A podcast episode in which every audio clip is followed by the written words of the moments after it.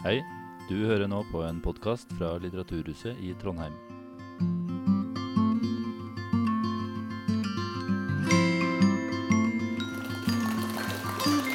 Takk for det. Og Reidar, du må være populær. Ja, Hæ? Fullt hus. kunne aldri tro det. Nei. Velkommen, folkens. Håper det skal bli ei trivelig stund med bokbad sammen med en Reidar og meg. Eh, kanskje vi, Det er jo kanskje noen få som ikke vet hvem du er. Får jeg lov til å presentere deg på en litt kort og ja, nøyaktig måte? Ja. Alder 80. Du tar det negative først. Ja. Og så er du jo jåring på Høllanda. Det er mange jårer, men det er den på Høllanda som ligger ditt hjerte nærmest. da. Og du har jo vært professor. Du er professor emeritius Det er, Noe sånt. ja, noe sånt. Det betyr at du har gått av, ikke sant? men du er fortsatt aktiv. Ja. Og så har du da vært professor i bygdesosiologi og regionalpolitikk. Og var med og danna og stifta bygdeforskning ikke sant? Her i Trondheim. Nå Ruralis. Forferdelig navn, forresten. Ja, Tyder det? ja til det. Eh, du, du gikk jo av som, eh, som leder for bygdeforskninga i 2007. Men du har vært aktiv, og det siste verket ditt er jo denne fantastiske boka her, på godt over 400 sider. som jeg skrevet. Og for arbeidet ditt så har du jo fått Du er jo slått til ridder, da. Det er ikke så dårlig. Det fortjener-. Hæ? Hæ? Det fortjener en liten applaus, da. Ja. Og så er du Nå har du begynt som turist, uh, turistmagnat bygd deg et tårn, akkurat som en Tobias. Ikke bare én, vet du. Nei, jeg vet, at, jeg vet at du har sjefen med deg. Ja. Sissel. Eh, og så har du jo bygd et forsamlingshus, Jårheim. Og der er det jo faktisk presentasjon av boka også i morgen kveld, så du er inne i en stim nå. Kulturfjøset. Kulturfjøs, ja. For det var sauefjøs, var det ikke? Ja, det var det. det var det, vet du. Ja. Eh, skal du si noe om meg, da? Som vet, eh, det er ikke mange som vet hvem jeg er for noen. Nei, men det, Dere som har hørt 20 spørsmål, vet dere hvem Øystein er? Han var, det mange program dere hadde? Nei, jeg tror ikke det var mer enn to- Ogde Det var ikke så mange, 270. ja. NRK. Ja. Men så hadde du vært mer anonym i Tine. da. Du har jo jobba som informasjonssjef i Meierisamvirket Tine. Mhm. Så er du skauning. ja. Går mye på ski. Prøve. Ja. Mhm. Og en eh, humorist. Så du har sagt det at det må bli litt humor. Ja, det er avhengig av deg og det. da, vet Du ja. Du, eh, Vi møttes på ski ute på Skaunakjøren ofte. Og der har vi på en måte alltid en uenighet, jeg og du.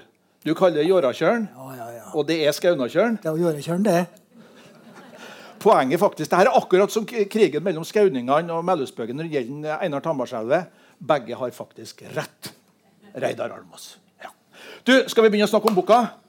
Men før jeg gjør det, eh, vi gjør det som jeg sier, at programmet er egentlig tredelt her i kveld. For det første så skal vi snakke om boka. Vi får se hvor lenge vi holder på til folk begynner å bli lei. Og så blir det en liten benstrekk, for vi ser at dere eh, holder på å drikke øl, og da er det noen som må ut og gjøre en del ting. Sant? Og så skal dere få lov til å stille spørsmål etterpå sjøl. Jeg regner med at her er det mye kompetanse ute og går. Reidar, tror du ikke det? Å ja. eh, kjenner du, Tjukt, tjukt og kompetanse her. mye kompetanse. Og så blir det signering til slutt.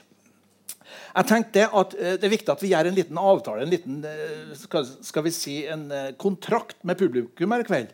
Og Da tenkte jeg at vi skal prøve å dele inn temaet her i fire hovedbolker. Det ene er hvordan ser det ut på bygda i dag? Punkt to hvorfor har det blitt som det har blitt? Punkt tre hva må til for at det skal bli likere? Og, fire hvordan tror vi det egentlig blir? Det er liksom overskriften på det vi skal snakke om.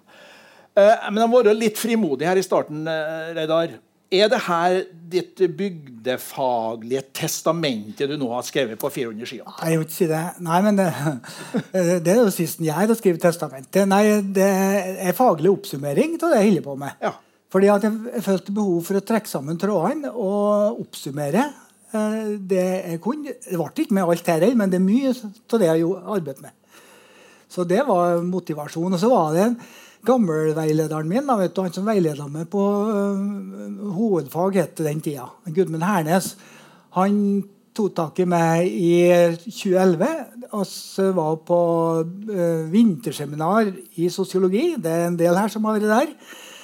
Norgesmesterskapet i sosiologi hver, uh, hver vinter. Og, ja, og da holder jeg foredraget om da bygda fikk farge, og fjøsa ble store. Og da tonte kragen på meg etterpå og sa at du skal skrive en bygdesosiologisk, en sosiologisk klassiker på dette temaet. han. For det er bare du som kan gjøre det. Som har en Du har hatt eh, hender og føtter i bygda, og du har hatt hodet i byen, og du har ferdig att og fram, så du ser det hele fra begge sidene.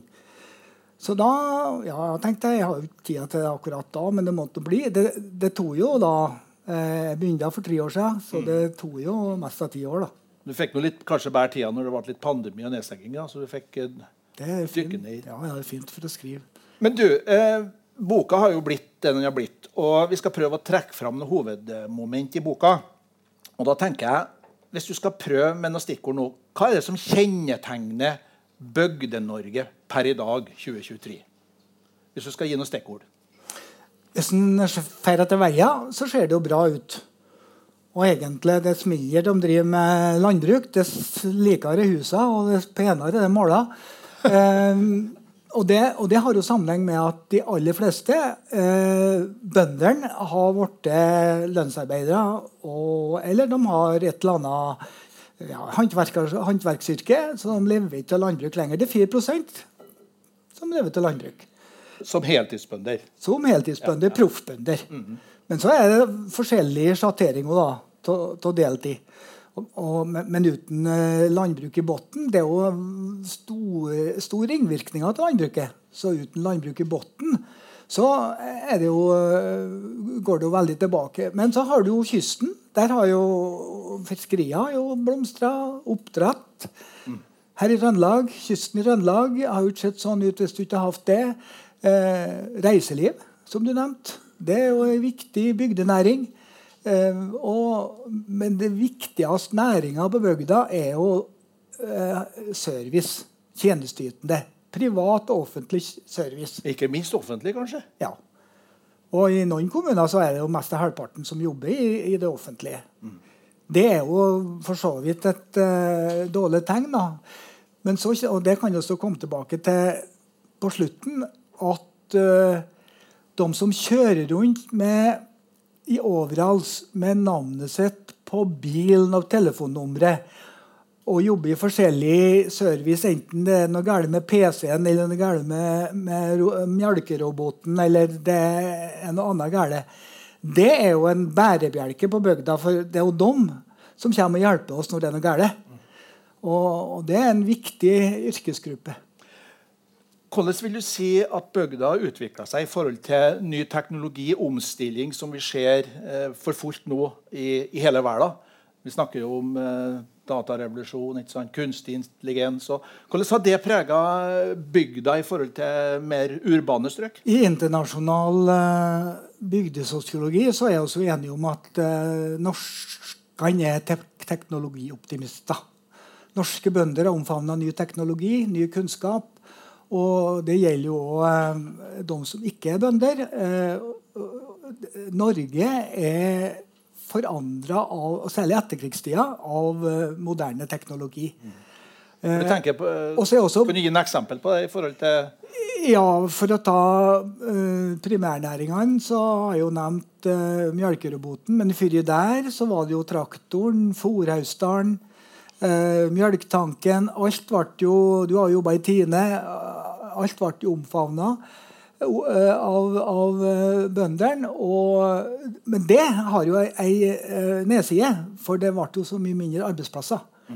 Og det har jo vært ei utfordring siden, iallfall siden 80-tallet. Å skape nye arbeidsplasser for dem som ikke lenger kunne love, å ta landbruk.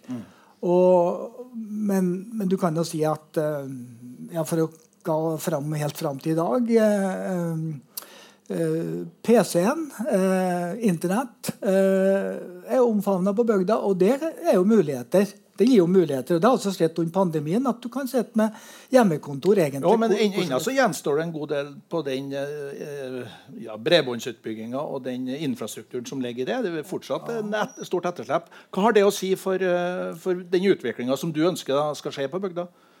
Ja, Det står vel en plass her at uten bredbånd og kvinner stopper Bygde-Norge. Det er veldig viktig med bredbånd. Men eh, også er vi litt etter Sverige, men det kommer jo etter. Hvordan har klasseutviklinga vært? Altså, du jo, har jo en fortid som en god marxist og kan dette med, med klasseanalyse. og sånt. Og du har jo sjøl eh, prøvd å komme med en sånn femdeling i boka di i forhold til eliten. Tredelt mellomklasse og en underklasse. Og du er jo så frimodig jeg må jo si det, at du sjøl definerer deg på toppen. da. Du er, du er ikke akkurat skuggeredd. Nei, jeg har en Du- kollega, Maja Farstad, og sier du er en modig mann. Reidar Almås sier for det, for det første så, så gjør du en klasseanalyse av eh, naboene dine, lokalsamfunnet, og så plasser du deg sjøl på toppen. Ja. Men jeg, det eneste jeg kan si, at det er jo sant. Eh, på jorden Hvorfor, hvorfor er det sant Reidar, at du er en el- elitekar? Nei, det er noe Jeg vet ikke om jeg skal legge fram eh, skatteoppgjøret mitt, men det, det har jo med bl.a. at eh, jeg er av VD og er emeritus professor. Jeg kjenner godt, har høy utdanning. Eh, jeg holder med til klasseanalysen til Bourdieu, den franske sosiologen, som ikke bare ser på økonomisk kapital, men på kulturell kapital. Og det er jo noen bøker borti bokhylla mi. Altså. Ja, Det er 15 som du har skrevet sjøl, og så er det 10 som du i tillegg kanskje har vært med og vært redaktør for. Ja. Så, så, så kulturell balanse det er altså bygge om et sauefjøs til, til Jårheim, med andre ord. Noe sånt. Noe sånt, ja. Ja. Men du, hvordan vil du si at eh, Du skriver en del om det i boka di i forhold til det her med endring av klasser. altså du, Hvordan utviklinga er på bygda versus i byen. Og I byen så sier du at det er den øvre middelklassen og eliten som har vokst fram. Og så på bygda så er det dem som er nederst, og, altså låg middelklasse eller middels middelklasse, som på en måte er hoveddelen. da. Og arbeiderklasse. Og arbeiderklassen. For det som ja. overraska meg mest, og det overraska Bjørgulf Brånen i Klassekampen da vi har bokba eh, sånn eh, lansering på Litteraturhuset i Oslo, det var hvor konstant arbeiderklassen på bygda har vært i hele etterkrigstida. Ja. Og det betyr at arbeiderklassen den er på bygda nå. Oslo er den ned på 8 mens eh, i rurale kommuner og på Høllanda ligger den på hver 30 Men du, det var en del nakne eh, flaggstanger på Høllanda i går, går og tenker jeg først. Ja, men det er noe annet. Det, du kan stemme Fremskrittspartiet fordi om du er arbeider, så det Ja.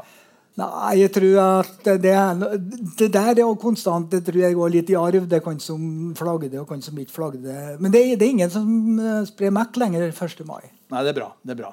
Men det at du har fått den utviklinga, hvor det skyldes det? Eh, altså, Du ser tydelige forskjeller på mellom det som skjer i forhold til klasseinndeling i by versus eh, land. Det har noe med utdanningssamfunnet å gjøre.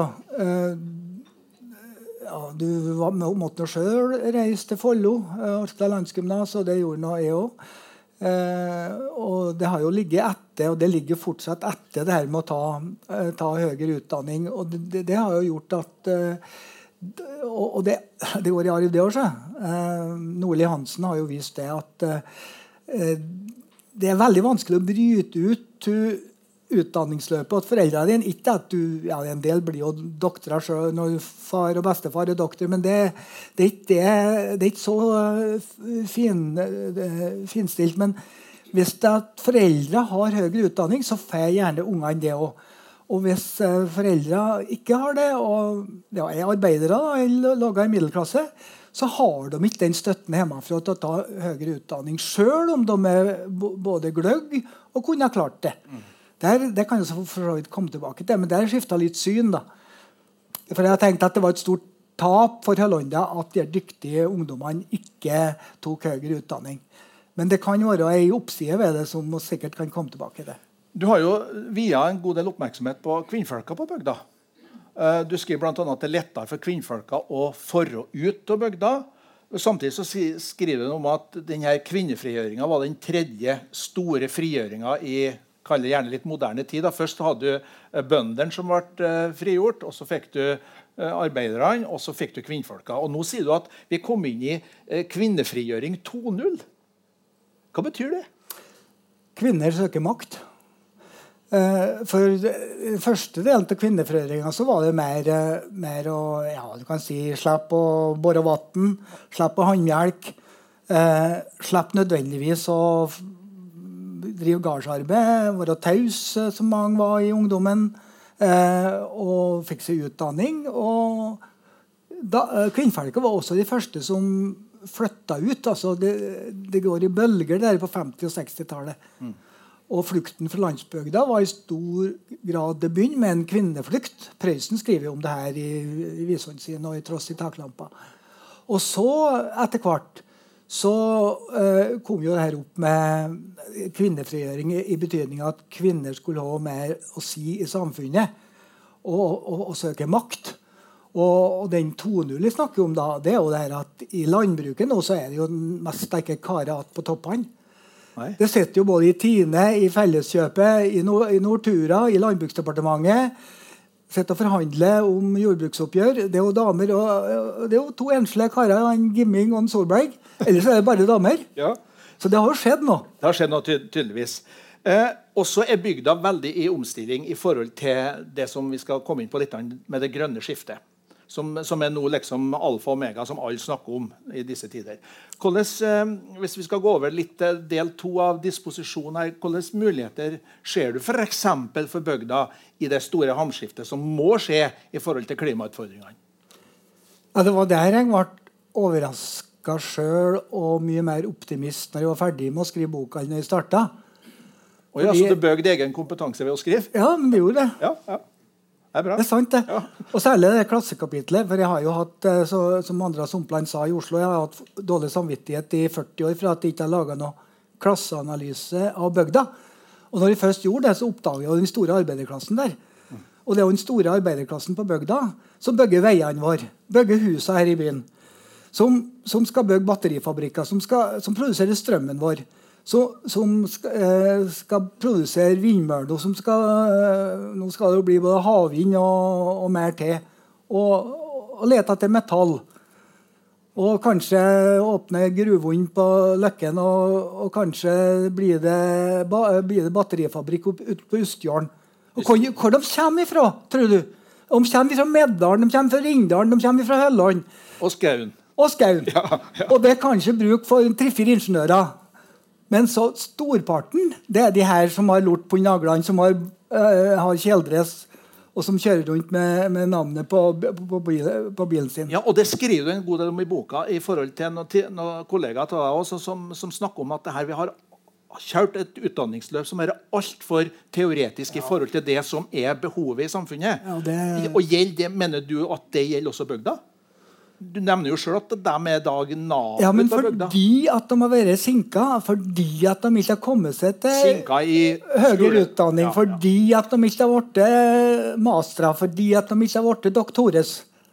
Og så må ha noen doktores òg, men ikke for mange. Og jeg tror at det er for mange som har gått på allmennfag på videregående, studert eh, humanistiske og samfunnsvitenskapelige fag uten å rettelig visste hva de skulle ha blitt. De blitt lærere, de fleste. Men, men det oss trenger, det er jo de der som er igjen på bygda, som ikke har tatt videre utdanning. Og de er jo perfekt nå posisjonert for å ta en fagskole og ga inn i de nye yrkene som, som det grønne skiftet trenger. Så, så det har skifta 180 grader når det gjelder den evnereserven på bygda. Det var bra at den ikke ble helt utdrenert, for nå trenger vi dem. Eh, Du, jeg ønsker oss å utfordre deg litt på i forhold til, Du sier jo at bøndene i stadig større grad har vært marginalisert. At det blir færre og færre. Du, du nevnte 4 heltidsbrukere. og Jeg vet ikke hvor mange deltidsbrukere. det er Kanskje en 10-12 kanskje, jeg vet ikke. Men hva betyr det i forhold til betydninga for utviklinga? Er vi fortsatt avhengig av et landbruk, eller kan vi egentlig klare oss på bygda uten landbruk i, i overskuelig framtid? Det er 2 her, da. Det er 4 av bygdefolket. Ja. Men det er 10-11 av bøndene som er Jeg tror du skrev 12 i boka. Ja, det er 12 kanskje. Men det var 19 Men, men tilbake til spørsmålet. Nå ser vi strukturrasjonalisering av landbruket. Det fins mest av et mjølkebruk ute på bygda. Og hva, hva skal de holde på med da? Ut på bygda? For det første så, så er ikke det blant gråtekonene. Altså det, jeg er ferdig med sorgarbeidet for øh, de bruka som ble ned, ned, nedlagt. For det å tro at det, den tida kommer at de skal love heltid Begrensa mi kan, kan gjerne si at det er synd eh, til fem bruk som er nedlagt, og så er det igjen ett. Men sånn er det. Må, må huske på det at I 45 så produserte en norsk bonde nok kalorier, og da er det korrigert for import av kalorier til seg sjøl og fire andre. Fire stykker. Det var familien. Fem. det. Ja, ja. Nei, men du må huske på det at var i familien de produserte dem òg. Ja. De var jo bønder alle sammen. Ja. Så har du i 2000, når jeg avslutta landbrukshistoria, så produserte en norsk bonde nok kalorier til 40 40 personer og seg sjøl. Nå så produserer en bonde nok kalorier til 60 personer. Og det er jo en suksesshistorie. Men, de som da, men, det betyr jo ikke at, at, du må finne noe å gjøre åt de, de andre òg. Men det der jeg ble optimist med å se at de kan gjøre alt det her som jeg også har en, et sterkt element av fysisk arbeid i seg. For jeg, jeg tror at, Og der det, kommer du inn det her med yrkesskolen. At yrkesskolen har blitt så teoretisk. Hjemmefra har ikke de vært med og gjort fysisk arbeid sånn som oss var i ungdommen. Og det gjaldt ikke bare gutter og jenter på bygda, men det, det gjaldt veldig mye byungdom som var ute på bygda og var med på Ånde og, og, og, og, for til slekta og, var med og gjorde fysisk arbeid. Og, gjorde mer fysisk arbeid hjemme òg, for nå er jo alt så mekanisert med oppvaskmaskin og alt det her. Så, så det at øh, det, det, må være folk som har lært seg å arbeide fysisk og bruke hendene sine. Ja. Og da har teoretiseringa Så det må være en kjerne av landbruk på bygda for at bygda skal ha Ja, det var, det var landbruk det var ja. uh, i starten. Men jeg, jeg tror at uh, norsk matproduksjon det er viktig også av beredskapsgrunner. Det har jo, uh, altså Jeg trodde ikke det. det var, jeg har noe, tre scenarioer for en tiårs tid siden. Og så har jeg et scenario med krig i Europa, stort jordskjelv, stort jordskjelv i Norge eller vulkanutbrudd eh, på Island. Det var liksom dommedagsscenarioet. Ja. Og så har det skjedd stort sett alt likevel? Ja, det, det er iallfall krig i Europa. Eh, men du, den effektiviseringa, det, det, er knapt nok noen næring som kan vise til tilsvarende effektivisering som du nevnte nå uh, i stad. Uh, men den, den, fortsetter jo. Jeg vet jo blant annet det at nå skal det jo bli løstidskrav i 2034. Og det, og det, mener du er en viktig ytterligere strukturrasjonalisering. At det betyr at enda flere bruk vil bli, bli nedlagt. Ja, det kommer ikke til å skje. Jeg, jeg, tror ikke det er mulig å nå det målet. Og det er jo vedtatt av Stortinget. Og, og jeg har jo vært i veldig mange båsfjøs der dyra har det bra. Jeg tror det er altfor ambisiøst. Og jeg tror at det som det bruker å være med Stortinget når de ikke oppnår noe de har vedtatt, at de sparker bare boksen lenger i veien. Ja, men det var hensyn til dyrevelferd. De har allerede sparka boksen en, stykke ja. i veien. Det var ti år. Ja. Men det, det, handler jo om dyrevelferd. Du kan vel ikke uh, løfte over det Reidar? Ja, men Problemet er det at uh, du må til med en investering bortimot 10 millioner. Og det er ikke mulig å regne hjem noe underskudd. Uh, en overskudd på, på, på, bruk som er av størrelsesorden uh, 15-20 bruk 15-20 kyr som mange bruk er, da, som ikke har løsdrift.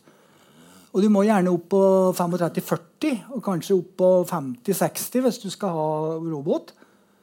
Så jeg tror at du må finne en måte å, i en overgangsperiode å modernisere de fjøsene som står. Det går ikke an at all gardsbruk i Norge som skal være med videre, må bygge nye fjøs fram til 2034. Også en annen ting som du trekker frem i boka, som gjelder veldig også på bygda. Staten forlater oss, sier du. Hva, hva, legger du i det? Betyr det at han, eh, han Støre har glemt uh, jorden på Høllanda? De første som uh, begynte å si det til oss, det var når vi for rundt og intervjua. Uh, det var ordførere som sa det. Og det var Nav-kontor ble nedlagt. Skatteetaten flytta. Staten trekk tilbake og sentraliserte statlige arbeidsplasser. Og det, det, er jo et objektivt faktum. så det, du behøver ikke... Men er det vær for, for bygda eller for, for byen, da? Ja, fordi at uh, sentralisering For det første så blir de jo sentralisert en plass som var ikke nedlagt. Skatteetaten er jo ikke nedlagt. Nav er jo ikke nedlagt. Men det Det virka sånn i helga når du skulle levere sjølmeldinga til 1. mai, men det var kanskje en liten digresjon. Ja. Men, men, men hvorfor, hvorfor, tror du at det skjer nå, at, at, på en måte staten At vi blir i større grad privatisert? Ja, jeg tror at den pila har gått uh, er i ferd med å svinge, svinge tilbake. Da, for jeg tror at de som styrer nå, da, har lært at eh, skal de eh, få stemmene til bygdefolk så, Og det var jo et valg som viste at eh, det var jo et distriktsopprør. Og det var et valg der 2021, nå, ja. flertallet det flertallet som er på Stortinget nå, ville ha en ny distriktspolitikk. Og jeg tror folk er veldig utålmodige. Og hvis du ikke får til noen veldig viktige grep i distriktspolitikken i løpet av et år eller to, så tror jeg Støre kan se som om er en annen jobb. Ja, Du skriver om det på side 279. Jeg har lagt inn en sånn grønn lapp for at du skal huske på det. Der skriver du at det både er behov for nye grep i landbrukspolitikken og generelt i distriktspolitikken. Hvis du skal trekke fram noen hovedpunkter som du mener må gjennomføres for å, ja, for å forbedre situasjonen på bygda, trekk fram noen, noen eh, hovedpunkt der. Reidar. Ta landbruk først, så tror Ja. jeg at eh, det må gjøres noen grep sånn at eh, dyra tar mer kalorier med mølen. Eh, altså Halvparten av kaloriene i, fra utmarka blir jo ikke utnytta. Så der går det jo tilbake til Vår Herre, skulle jeg si. Det går i kretsløpet. da. Eh, så vi må bruke mer norske ressurser. Betyr det utelukkende beiting, eller betyr det at du skal begynne med, med jordslått ut på Nei, Det, er- det er et sånt kulturarrangement. Det, Nei, men litt seriøst, hva, hva betyr det at du skal utnytte den, den andre halvdelen? Nei, det, det må jo bety Og, og der kommer jo teknologien oss i møte. Du har jo Nofence. Du har en klave, og dyra får et signal. eh, Du, du har streka opp et kart på et eh, en grense, grense på et kart på mobilen din, og så får dyra en, eh, en, klo- en klove som da gir strømstøt hvis du går utover det. Populært med geiter, blant annet. Ja. ja, da, de driver og og skal få det til. Problemet med sauen, størst problemet med sauen, for sauen får ull. Så eh, Isolere. det blir trangt, og det isolerer. Ja. Ja. Men det, det går på storfe. Ja. Men jeg tenker på sånt som kulturbeite. I min eh, ungdom, barndom og ungdom så drev jo en far og, og dyrka opp kulturbeite. Og det var jo stort sett det dyra åt på, på sommertida. Mm. Og det er jo mye eh, områder som egner seg for eh, kulturbeite, som ikke blir beita i dag. Og okay. det, det gror igjen. Mer beite. Men eh, andre tiltak, da? Ja, det forskes jo veldig på øh, å få til mer proteinrike øh, vekster som en kan dyrke i Norge òg. Det tror jeg både til folk og til dyr. Eh, det òg øh, forskes veldig mye på at du, kan sette ting i fôret så de slipper ut mindre metan. Det er jo et problem er sånn med, hemming, ja. Mm. med, med de som ørter, som man sier. Uh, Drøvtyggerne. Og det er jo en rekke sånne initiativ i gang som jeg foreslår at en bare kan eh, øke statlige bidrag. Da. Staten kan jo hjelpe på her.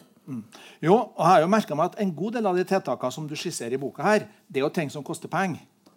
Er, er storsamfunnet villig til å bruke penger på sånne ting? Der? Men jeg er ikke så sikker på at eh, storsamfunnet bruker pengene rett.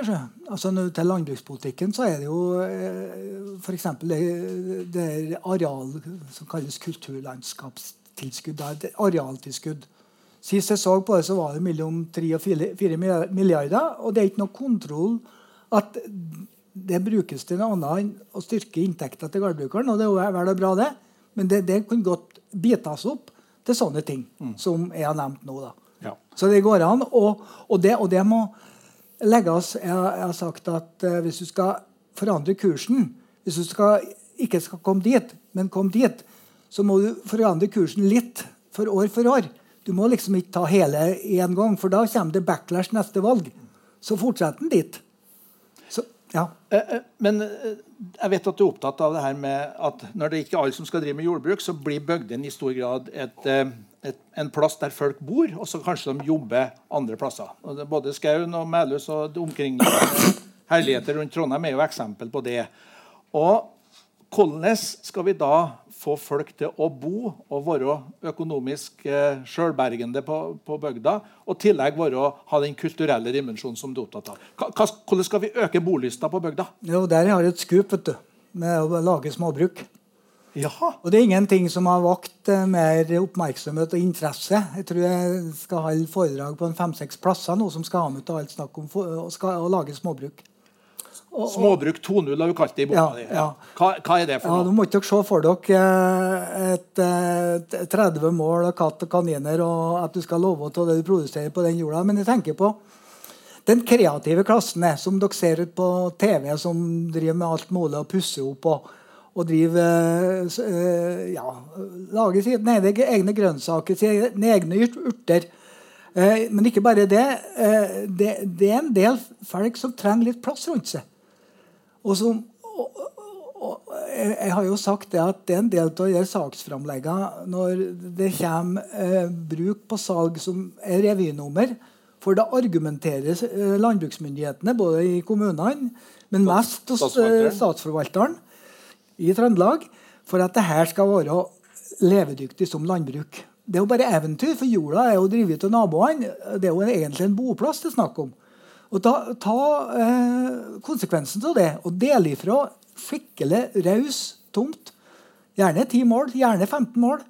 Eh, det går an innenfor jordloven så vidt. Eh, og så lar du de naboene som allerede driver jorda, få kjøpe den jorda. Det er eiendomsutvikling på bygda. Og det var en som sa at det der, det, da vil jo synliggjøre verdiene. Det var liksom et motargument. And so what? Det er jo ikke noe synd å synliggjøre verdier. For, for når du deler et bruk, så kan godt verdien fordoble seg. Og den kan fordoble seg flere ganger når du deler opp eh, bruk på den måten. Men eh, hvis jeg sier at iallfall per i dag så er kanskje statsforvalteren den som først vil sette ned foten for en sånn eh, omstilling. Måtte, hvis, hvis det her med, med småbruk 2.0 skal bli en realitet, da, for nettopp å få attraktiviteten opp, hva må til politisk for at det skal skje? Nei, De holder på å lure seg til de her eh, bygdevekstavtalekommunene. da. Ja, det må du forklare hva det er for noe. I Trøndelag har uh, Holtålen og Rindal fått en bygdevekstavtale med staten. Og da skal de uh, Er det alle som byvekstavtale? nærmest? Ja, ja. ja, men det er mye mye penger. da. Det er ikke så mye ja. penger de har fått, Men det her, til det her trenger du ikke mye penger, fordi det er jo eh, privat kapital som skal komme inn og kjøpe det her. altså. Det er jo private som skal komme inn den kreative klassen her, som er ute etter småbruk. Det mest søkte ordet på Finn. Det stakk det. Det er småbruk. Eh, og, og eh, det er altfor lite. Eh, og prisene drives opp, særlig i bynære strøk. Da. Eh, så et, hvis jeg skal gjette, så tror jeg kanskje de skriksetter å få lov til å prøve det her i, i Rindalen og Holtdalen nå. Så har du òg mulighet til frikommune. Eh, det som er Problemet vet du, det er at eh, det sorterer flere departement. og Om Kommunal- og Distriktsdepartementet tyder det er ok, så setter landbruk ned foten, og, og vice versa. Så jeg tror at, eh, og Det sa jo landbruksdirektøren i Trøndelag, Tore Bjørkli, før han gikk av, at det, hvis vi skal få lov til det her, så må politikerne si at nå skal vi begynne med det. Det må et politisk, skikkelig politisk Og da mener du sentralt hold, faktisk? ja. ja. Mm. Eh, grunnrente det er et artig tema for tida. Iallfall, du nevnte jo at det har skjedd eh, veldig mye positivt på kysten. Og nå er det jo mange som mener at eh, nå er, er vi i ferd med å rasere det som skal skje på kysten gjennom det forslaget til, til skatt på grunnrente. Du er jo faktisk en svoren tilhenger av grunnrente. Ikke bare på der, men uh, over uh, alt der uh, fellesskapets skal, gull da, benyttes. Hvorfor er det så saliggjørende? Jeg må passe meg nå, for jeg har min gymnaskollega Ulrik Krabben Han her også har krangla mye om det der. Men eh, jeg skal prøve å være presis. Altså, grunnrente eh, Og jeg har faktisk skrevet om grunnrente på 70-tallet, i min marxistiske periode, men jeg har jo litt annet syn på det nå. Eh, grunnrenta det er når, når en virksomhet har fått bruke av fellesskapets ressurser, f.eks. grunn. da. Mm. Eh, men vi kan jo like så godt kalle det ressursrente. Altså bruke ressurser som egentlig er fellesskapets ressurser. Ikke private ressurser, men fellesskapets ressurser. Så må det lønn til arbeidsfolket. Det må avkastning på kapital. Her regner man 4 eh, Det er bra avkastning det i Norge i dag. Det som er over der, defineres da som grunnrente. Og så er det der det kom inn det grunnrenteforslaget. og kom, nå litt baklengs ut av fuglekassene. Vedum og Støre var litt uh, ja, De får inn, igjen en liten Ja, de gjør det. Men nå blir det. Det er jeg ganske sikker på. Men, men jeg, tenker, jeg, tenker, det at uh, den halvparten som staten skal ha nå, for nå skal deles halvparten til kommunen og halvparten til staten av den grunnrenteskatten. Da, som, det, det som kommer inn, ja. Som kommer. ja. Og det er jo havbruk å snakke om, da. Men det gjelder jo også olje, gass, uh, vannkraft. Der er det jo grunnrenteskatt he hele veien. Ganske høy. Særlig på olje og gass. Uh, da har jeg foreslått at den halvparten som staten skal uh, ta, den kan igjen halveres, sånn at 25% går til et grunnrentefond til fordeling til de kommunene som ikke har grunnrenteavkastning. Så da skal det bli litt mer byråkrati, med andre ord? Ikke nødvendigvis. Det er jo noen som må sitte og Tror det. tror du pengene blir likere til at de er innom Finansdepartementet? Nei, jeg tror ikke noe om det. Men, men er ikke redd for at, det, at sånn fondsavsetninger Det er jo det Vedum har brukt også. Det her skal tilbakeføres til, til distriktene, til kommunene. Ja, men Du ser nå at det er en del kommuner som har skjønt er på, er på å snu opinionen, og i en del kommuner har de skjønt at de tjener faktisk på det forslaget. Men, men nok om det. Nei, jeg tenker meg at for det har jo vært innvendig også mot, eh, mot at vannkraftkommunene skal ha eh, store inntekter av uh, vannkrafta. At det er jo noen kommuner som ikke har noe vannkraft. De har jo ikke sånne inntekter. Så jeg tenker at dette grunnrentefondet til fordeling det kan være like som Distriktenes utbyggingsfond. Det mest vellykka distriktsutbyggingstiltaket i norsk historie. Distriktenes utbyggingsfond fra, fra 61. Mm. Uh, og, og er, det er mye sånn bygda, sånn industrifelt uh, rundt uh, bygdesentra som ikke har vært hvis du ikke har hatt Distriktenes utbyggingsfond. Fortsatt det med grønne skiftet. Du, du, du, er jo optimistisk egentlig på, hvis jeg forstår boka, et av hoved, Det etterlatte inntrykket i boka at du er optimistisk på bygda nettopp fordi at bygda har en mulighet i det grønne skiftet. Da har jeg to, to, spørsmål i forlengelsen av det. Hva du tenker om eh, det å kunne produsere altså Vi trenger jo ny energi. Nå skal det jo bygges mye hav, havvind ute i, ute i Nordsjøen. og sånn. Hva tenker du om det eh, bygdas rolle i forhold til framtidig energi og, det som skjer i forhold til energiløsninger, som er en viktig del av det grønne skiftet? Ja, for det første så er jo de områdene som skal produsere energien, de, de ligger jo i distriktene. Og det har jo vært sånn fra vannkrafta sine, sine, dager. Eh, og eh, jeg, tror at det her må løses på en måte politisk. Du, du lokker meg ut i en, en, et politisk utsagn. Jeg er ikke redd for det. Jeg har flere politiske utsagn her. Det er fullt om. Men jeg, men jeg, tror det at eh, hvis vi skal bevare eh, fortrinna eh, som eh, bygda har, og som Norge har, så, så, må du holde igjen på krafta, sånn at det blir en norsk kraftpris. Altså Den smitten som er nå, den må stoppes på en måte. Men Du skriver at, at uh, et av de tiltakene er at uh, lokalt så må man ha vetorett mot uh, inngrep, f.eks. vindmøller. Det skriver du i boka di. Ja, Men vindmøller er jo ikke noen løsning på energiprisene, for det er jo veldig dyr. Ja, hva, hva, som er løsninga, da? Det er jo mest av ingen som vet hvor mye vi subsidierer vindmøllene våre med over strømprisen. Det er et spleiselag, skal jeg si det. Mm. Det var for at svenskene ikke skulle stikke av med hele, hele vinner... Men nå snakker du deg litt bort fra det som var spørsmålet. Hva er løsninga? Ja. Jeg, jeg, vet, jeg vet hva svaret er, men de som sitter i salen her, vet ikke.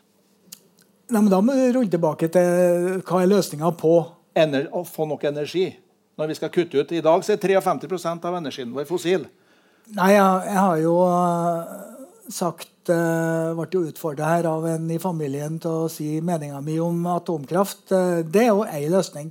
Men det, da snakker vi kanskje om 2040. Uh, så jeg tror kjernekraft kommer, og jeg tror kjernekraft kommer i, i Norge. Så på kortere sikt ja. så, så, mener jeg faktisk, og det har jeg vel skrevet i, i boka òg, at sånn som Øvre Gaula Eh, eh, Gaula er ikke hellig. Det er bra at Gaula ble verna, men han kan se på de vernereglene for Gaula, og så kan han bygge ut deler av Øvre Gaula og, og skaffe Og det er jo billig strøm. Den billigste strømmen vi har.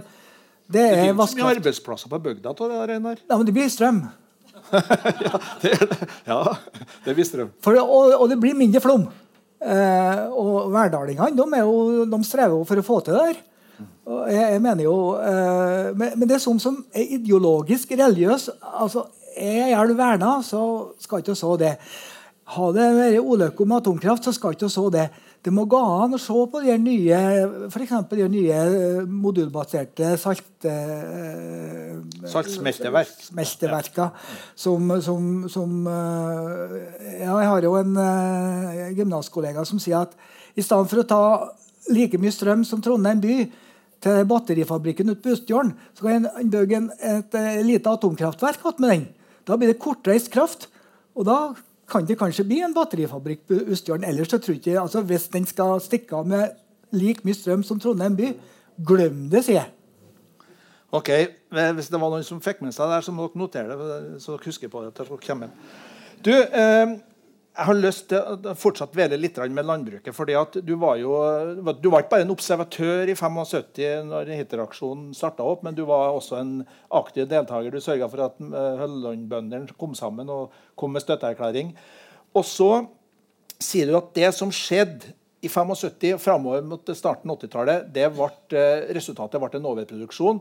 Og det er en akilleshæl, skriver du i boka di, i forhold til det her med hvis det blir for gode oppgjør. Og I fjor, så, i 2022 så ble det jo 10,9 eh, milliarder. Og nå er det over 6 millioner som er, som er kravet. Milliarder. Ja, ja. milliarder, ja. Hva mener du med den akilleshælen? Nei, jeg, jeg, tror at uh, hvis uh, landbruket og det å samvirke her, eh, eh, kjøttsamvirke og melkesamvirke, som står for markedsreguleringa Hvis de klarer å regulere markedet i takt med forbruket, så går det bra. Så Det er for så vidt ikke pengene som er problemet, men det er måten de blir bruka på. Og jeg, jeg, tror at eh, ja, ta, ta sånt som egg nå. Det er kronisk overproduksjon på egg. De driver og kjøper ut eggprodusenter så de skal slutte. Men jeg tror at det kan ikke være fri etablering uh, for eggproduksjon. Det er det, det er det, i dag. og Det er en gåte for meg hvorfor f.eks. Småbrukarlaget går inn for at det skal være fri etablering fortsatt. Men det må gå an at uh, en innfører uh, regulering. For, for, mjølk er det jo det. Der, får du ikke selge mjølka di hvis du tar kvote.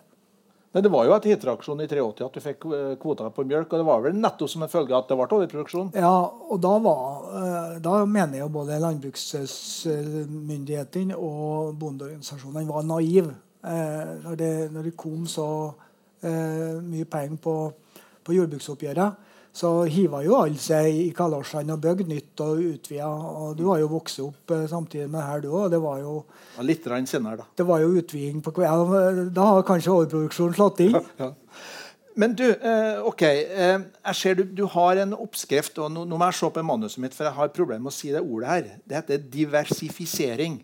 Det er et ord som du bruker. og det, Da er det litt sånn akademisk preg. Hvis du skal prøve å forklare forsamlinga hva som ligger i det, for at det er liksom eh, gullsvaret ditt på hvordan landbruket skal driftes ute i bygda. Diversifisering. Vi kan kalle det allsidig landbruk, da. Da skulle du ha skrevet det. vet du, Reidar. Ja, men det tror jeg jeg har skrevet òg. Har gjort det, ja. Ok. Hva betyr det? Hva betyr det? Nei, det er jo at en skal holde på med diverse ting, da. Diverse, forstår du. ja. Det er så vidt. Nei, men det har bestandig vært sånn i landbruket at uh, folk har holdt på med mange ting. Og, og, bare det Nå er vi jo på vei ut til vinteren. Bare sånn snøbrøting. Det er jo mange bønder som driver med ja, De holder på med det ennå en del oppe i Trøndelag, faktisk. Ja, ja, ja. Uh, og, og, jeg tenker, og, jeg tenker, på det du ser du kan få ut ressursene bare med Det er stor forskjell på folk her, for som får mye ut av lite. Eh, og det kan jo kombineres. Eh, mange som har eh, et deltidsbruk, har jo lønnsarbeid ved sida av. Men det er òg mange som eh, Iallfall i Trondheims nærhet så er det egentlig mange muligheter når du kan yte service. Er det mangesysleriet du etterlyser? Ja, det er mangesysleriet. Eh, på den måten at du må følge med tida. For det er fort altså F.eks. er det folk på Hølanda som drar til byen og tenner tre borti hagene til folk. Det, det, var ikke, det, var ikke, noe de drev med for 20-30 år siden. Det er noe nytt. sant? Det, det er ikke for alle, allmann å ta, å kjøpe seg motorsag og begynne å ta ned ei stor, ei eh, stor osp i en hage. Mm, men, men, i spørsmålet mitt så legger det også en, kanskje en hentydning til at uh, det som skjedde med kanali altså den kanaliseringspolitikken som kom på 60-tallet, der du skulle dørke korn på flatbygdene, og så skulle du dørke gras, gras og husdyr oppe i fjellbygden og langs fjordene, ja. betyr det at denne uh, mangesysleriet at det også bør endre på den kanaliseringspolitikken som, som har ligget fast iallfall fram til nå? Ja, jeg tror i hvert fall ikke at du skal slippe løs uh, melkeproduksjon uh, i sentrale østlandsområdet. For det er så store fordeler med å være både nede i markedene og med avlingene uh, der. Uh, så hvis du skal drive melkeproduksjon på Østlandet, og det vet jo du som har vært i Tine, så får du dårligere betalt enn om du driver i Finnmark f.eks. Så det må være en, dif en, differensiering. Kan du bruke det ordet? Forskjellig pris. Ja, Men det er jo en videreføring av sånn som det er i dag? da? Ja, øh, men vi har ikke skrevet at du skal øh, slutte med kanaliseringspolitikken. Det er jo det er jo terrorbalansen i norsk landbruk. det, At uh, husdyrområder og kornområder uh, Det er litt kniving der, sant? Nei, det er ikke litt kniving. Det er mye kniving. Og nå, nå er mye kniving. Ja, ja. Uh, og nå er jo jordbruksoppgjøret nå, så er det jo melkebøndene som skal få mest. da. Hvis en ser på kravet til Bondelaget, f.eks., så, så er jo Mens, mens kornbøndene fikk mye i fjor, og det har jo litt sammenheng med at kornprisene internasjonalt gikk jo faktisk over norsk pris en vending. De er litt ned igjen nå, men det, det, det, det, er ikke noe problem uh, i forhold til verdensmarkedet og i forhold til tak i handelsavtaler, uh, kornprisen nå. Og det går an å, få en, et bra utbytte av et, et, et kornbruk. Men melkeprodusentene har hatt dårlig utvikling siste året. Og de er sinte. De er sint. Eh, en ting som vi ikke har snakka så mye om, og som du peker på i flere av kapitlene, det er det her med at det er globalisering, og det har vært en liberalisering. Eh, og med de, med de, virkningene. Og noe av liberaliseringa kanskje det her også knytta til importvernet. Eh, vi har en EØS-avtale, artikkel 19, der, som, som setter begrensninger. At vi har en tollfri kvote på import. Eh, hva tenker du om utviklinga i forhold til landbruket på bygdene knytta til ja, f.eks. EØS-avtalen? Hva, hva, mener Reidar Almås om EØS-avtalen per i dag? Jeg ser jo at Regjeringskameratene har jo sagt i Hurdalsplattforma at de skal forbedre tollvernet. Eh, og det går jo Det blir kanskje litt teknisk, men det, det er jo du, du, kan velge prosenttoll eller kronetoll. Og på mange varer har det vært eh, kronetoll. Og da blir jo krona blir jo, altså Valutaen blir jo mindre verdt. Det er jo en inflasjon i alle land. Eh, og det har jo han gjort da på noen kjøttslag og på noen ostslag. Men det er fortsatt en del tetting av, av grensevernet. For Landbruk over hele landet er ikke mulig hvis du, har, hvis du ikke har tollvern i Norge. Det, det, er jo en måte som Der har jo ikke uh, Hurdalskameratene levert ennå, men det kommer på en håpe. Jeg vet ikke om uh, bare forholde oss litt i politiske landskapet, jeg vet ikke uh, om det var senterpartisten Reidar Almås som på en måte ble litt glad i 2021, når du sier at da åpna det seg et mulighetsvindu. Det høres nærmest sånn religiøst ut. Uh, det er en glorie av muligheter.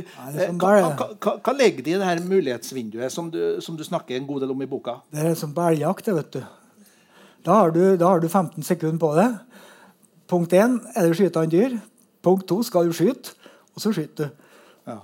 Og det, og det er sånn, nei, Mulighetsvinduet det er at det politisk eh, spiser det, og at opinionen godtar det og at det er flertall f.eks. i regjering og storting for og, og, det kan være ganske kort, ganske kort tid. Ja, det, Men det, historisk sett så er det jo en del mulighetsvinduer som åpner seg. Ja, ja. Og det, det mulighetsvinduet som vi har nå, da, Står, står, det på, vi, står, det på, gløtt, eller står det på vi gap, som det heter på Det overraska meg hvor fort uh, mulighetsvinduet som vi hadde ved siste uh, Hva bestod det, hva bestod det i, det mulighetsvinduet? Nei, Det bestod, det bestod jo Eh, et eh, stortingsflertall eh, på, fra Senterpartiet og ut til Venstre på 101 stortingsrepresentanter. Det er jo et kjempeflertall. Det er litt hummer og kanari i den gruppa. Ja, er du for noe, det er noe dine ord? Ja, det var mine. Hva er det som er hummer, og hva er det som er kanari? Nei, men iallfall en del, del ganger stemmer vi jo sammen. Og det, jeg tror grunnen til at folk er så uh, øh, skuffa og hopper både til venstre og høyre nå fra regjeringspartiene, det er at de syns at det mulighetsvinduet er blitt for dårlig utnytta. Hva, hva, hva, så du for deg da i september i 2021? Ja, det, eh, det Vi kan jo ta det som ble inn, innfridd først. og det, Jeg syns jo at uh, landbruksminister Borch uh, sto den lille dama hun sto jo til sin første eksamen. Nå, er hun, opp til eksamen, hun skal jo opp til eksamen hvert år. Eh, så jeg mener jo det at hun leverte. Eh, når det gjelder distriktspolitikk, så syns jeg det går, Tida går jo. Eh, og det har ikke kommet noen ny distriktsmelding. Her tror jeg verktøykista må fylles opp. Mm. jeg har jo prøvd å bidra med, med det, da, og kommer med noen forslag på det. Der, der hører jo det her småbruksforslaget mitt med. Så uh, jobber, jobber, du litt i kulissene her nå i forhold til politiske, eller? Nei, jeg gjør noe... du, Er det nok å skrive boka? Nei. Lars Bonheim han sa det til meg en gang at eh, eh, For jeg, jeg mente at eh, jeg har jo ikke noe innflytelse. Jeg kan jo bare drive og forske og gi fra meg rapporter. Så sier han det. Du, du, du skal ikke undervurdere ordet, Reidar, sa han. Så jeg, jeg tror jo på det, at ordet at Ordet tar tak, at, at ordet, ordet kan spre. Altså, jeg tror at Landbruksdepartementet, En av grunnene til at Landbruksdepartementet i sin tid støtta bygdeforskning, nåværende Ruralis, og ga oss grunnbevilgning, det var at de så på bygdeforskning som en endringsagent. De så at landbruket og bygdene trengte fornyelse. Og da så, da så de på orda orda som kom fra oss.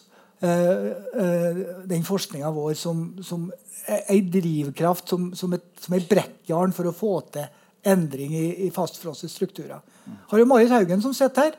Hun, hun, hun fant jo opp uh, ordet kvinnebonde og skrev avhandling om, om kvinnebøndene. For Før så het det jo bondekvinner. Og de har jo ikke lov til å tjene mer enn 30 000. Det var liksom en måte å sette dem på plass. Med å, med å løfte fram kvinnebonden så ser du jo at det faktisk på en rekke gårdsbruk, og særlig i fiskeridistriktene, skogsdistriktene historisk og i moderne tid, der eh, man er på lønnsarbeid, så er det jo kjerringa på gården som driver gården. Og da har, fant hun Ja, Du skriver jo litt om det, men det er fortsatt det er jo flertall av guttene som tar over. da. Så vidt.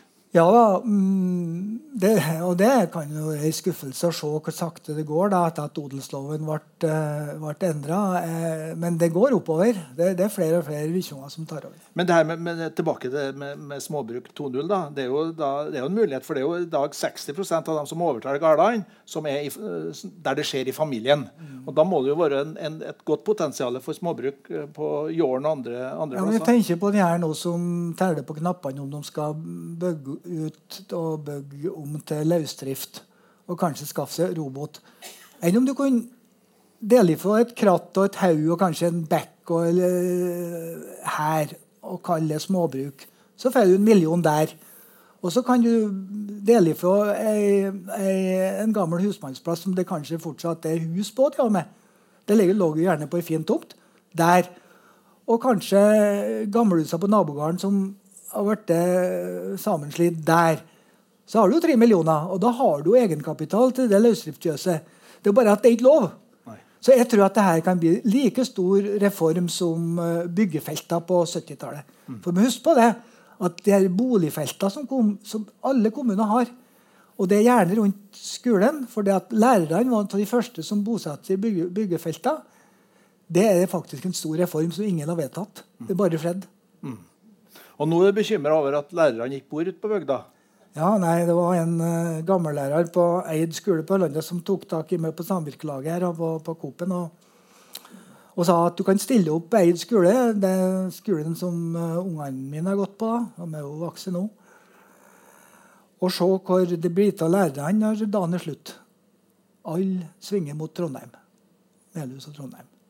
Så tok han side og sa det er ei som bor på Ørland. Og det, det er litt alvorlig. Men det har jo sammenheng med at det er så vanskelig å få seg lærerjobb i Trondheim. At de må liksom ut på bygda for å få seg ansiennitet. For, for de bor jo i byen da, og er gjerne gift med folk eller samboer med f- Eh, det, vi, det vi ellers ser, da, det er jo at eh, som ikke har så mye om, Du er jo, du er jo sosiolog og opptatt av klasseforskjeller. og Du har jo skrevet mye i boka di om at det blir økte forskjeller. både Ikke bare i, i byene, men også på landsbygda. Eh, klarer vi å snu den, eh, den utviklinga gjennom både 2.0, småbruk 2.0 og, og mer beiting? Jeg vet ikke beitinga, men jeg tror det er en sånn småbruksreform kan være med. Og, fordi jeg ser jo for meg at de her som da etablerer seg med småbruk 2.0, da, de er gjerne uh, i kreative yrke, gjerne i godt betalte yrke.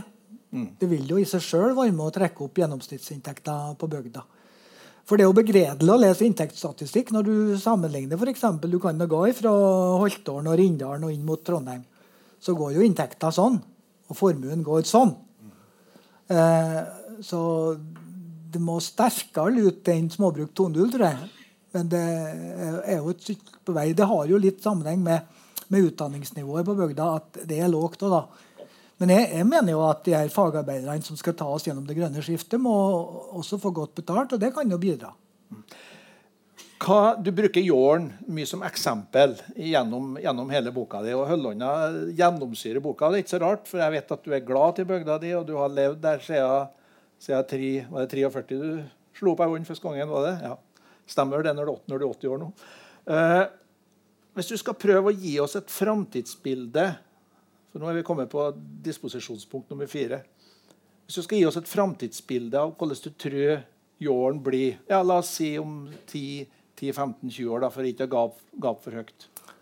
Jeg har jo et, uh, en sånn visjon inni der. Jeg skal ikke repetere den. Den kan, kan ikke noe losse sjøl. Men, men jeg, jeg, ser for meg at uh, for, for, det er noe det, det er noe som drar, og noe som puffer i et bygdesamfunn. Og det som, uh, det, som drar ut, det er jo utdanningssamfunnet. kan du si. Folk må jo ut. Men det som skjer på Hølanda og det som skjer på Jålen, det er at folk kommer igjen. Og de søker hjem igjen. Eh, på en, et eller annet merkelig vis, for i Trondheimsområdet vet du, så er det ikke så vanskelig å få seg arbeid hvis en er villig til å pendle.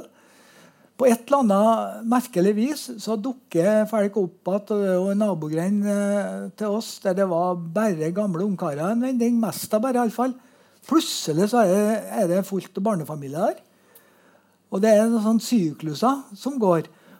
Og, og, jeg tror at det er et eller annet som Jeg vil ikke si at det er biologisk, men det er et eller annet med, med folk som har vokst opp i et sånt miljø som Høllanda er, da, som gjør at en blir knytta til naturen og, og, folkelivet, kulturen. Kjenninger i hver en gard. Det, det, er noe med det her eh, Og det hjelper å få oss den eldre generasjonen Det er jo det her både kaller habitus. da og det er jo habitus. altså Du får ikke Du kan få meg ut til Hollanda, men du får ikke hollendingen ut til meg, for å si det sånn. da. Og det er mange som er sånn. Mm. Det er optimistisk, det, da? Ja, fordi at, eh, og det er ikke bare, det er ikke bare på Hølland. sånn. Jeg har jo gjort for, uh, forska på mange bygder. Det, det, som er vanskeligst, altså de her skikkelig bygder som sliter, det er de som er langt ifra sentrale eh, arbeidsadministrative sentrum og, og, og, og, tettsteder. Så liksom den ytterste glese bygda For den ytterste glese bygda Bruk det svenske Glesbygden, ja. ja, ja svenske ordet. Det heter glissi på norsk, men det er noe annet. Der, eh, der, tror jeg det blir for spesielt interesserte. Det blir for spesielt interesserte. Men det vil bestandig være spesielt interesserte. Ja, og jeg har tenkt å gå inn for landing med å vise dere jeg skulle si billedbok. For det, det er ikke så gærent mye bilder til boka, det kan vi være enige om, men det er en del artige tegninger. Og her er det faktisk bygdetypene som en Reidar mener fins i, i, hver ei bygd. Og Spørsmålet mitt det er jo da eh, hvor du kommer sjøl til de bygdetypene. Er du den som, eh, som sitter igjen med datamaskiner? Er du originalen? Hvilken bygdetype er du? Og hvordan kan vi bruke bygdetypene til å være med og utvikle bygda. For du, du, har ikke plassert dem her tilfeldig. Nei. Og det må jeg jo kreditere uh, forskerne. fordi oss var jo en fire-fem stykker som jobba fram de typene der. Og jeg kom jo med noen hypoteser ut fra Hølanda da, som vi lette etter. Ja. Og så kjører vi på et stort datamateriale eh, fra Norsk Monitor. Synovate heter det i dag.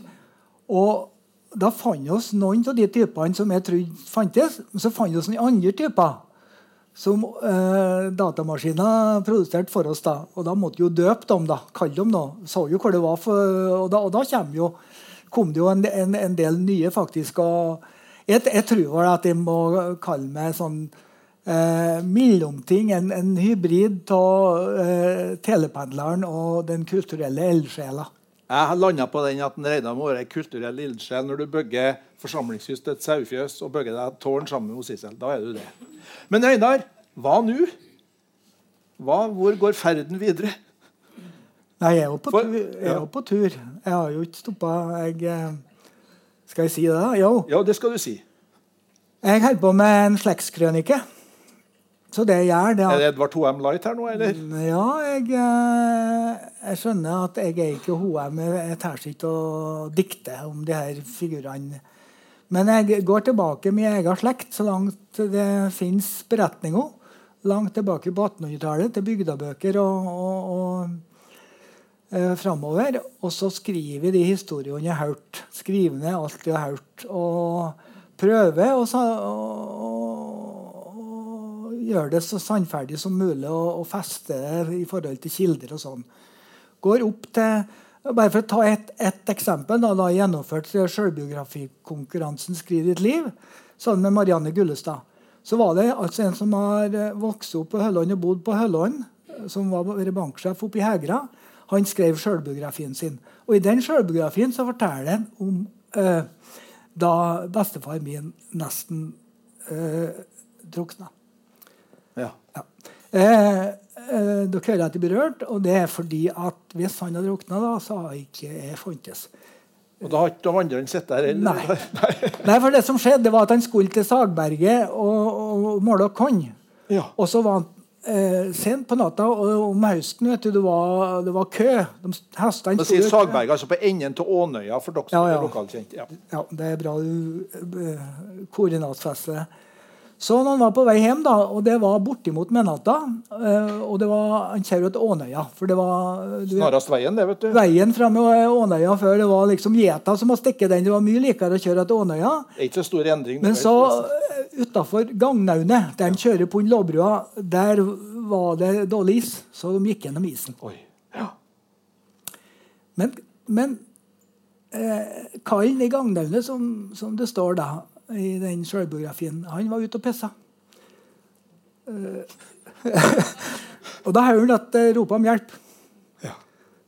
Og da har han henta en stogge og lagt på isen. Og så berga, berga de eh, inn han bestefar, og så fikk de òg baska hesten til lands. For at Lasse Nei, men nå skal du høre. Det har noe med egenvekta gjør det å gjøre. For Lasse flaut. Men det fløt dårligere og dårligere, for det ble bløtt. vet du. ja, ja, ja. Mjølet ble bløtt. Så hvis alt at de har fått ligge ute i det baska en stund, så har de jo sokket både hest og, og, og slåe og lass og, og mann med, for bestefar kunne ikke svømme. Så, sånn, og sånn er det da i prøve å samle historier. og Det er ikke, det er ikke like dramatisk som det her. Men det er noen dramatiske historier faktisk som uh, ikke ungene mine heller vet om, som jeg da skriver inn. eh, og det er veld, veldig artig. Da vet vi at det kommer flere bøker. Og så må jeg si det også, da, når jeg kommer til at jeg treffer Sissel på Orskla landsgymnas, så går jeg jo tilbake til hennes slekt og rekker opp. Og der har jo hjelp av søstera hennes, for hun har jo skrevet en del eh, på so samme tralten. Men der jeg stopper, da, det er når jeg er ikke HM. Jeg begynner ikke, jeg driver ikke å fabulere ting som jeg ikke vet. Men det er masse historier som jeg kan eh, ta vare på. Og så skriver vi opp til fram til i dag, og mye bilder. Det blir tjukk bok som det her. Det er bra. Da blir det nytt bokbad. Blir ikke det? Nei, det her blir 17 eksemplar. 17 eksemplar. Du, eh, da, nå stopper vi opp så langt. Kan han få, han få en liten applaus, han Reidar? For at han det, ja.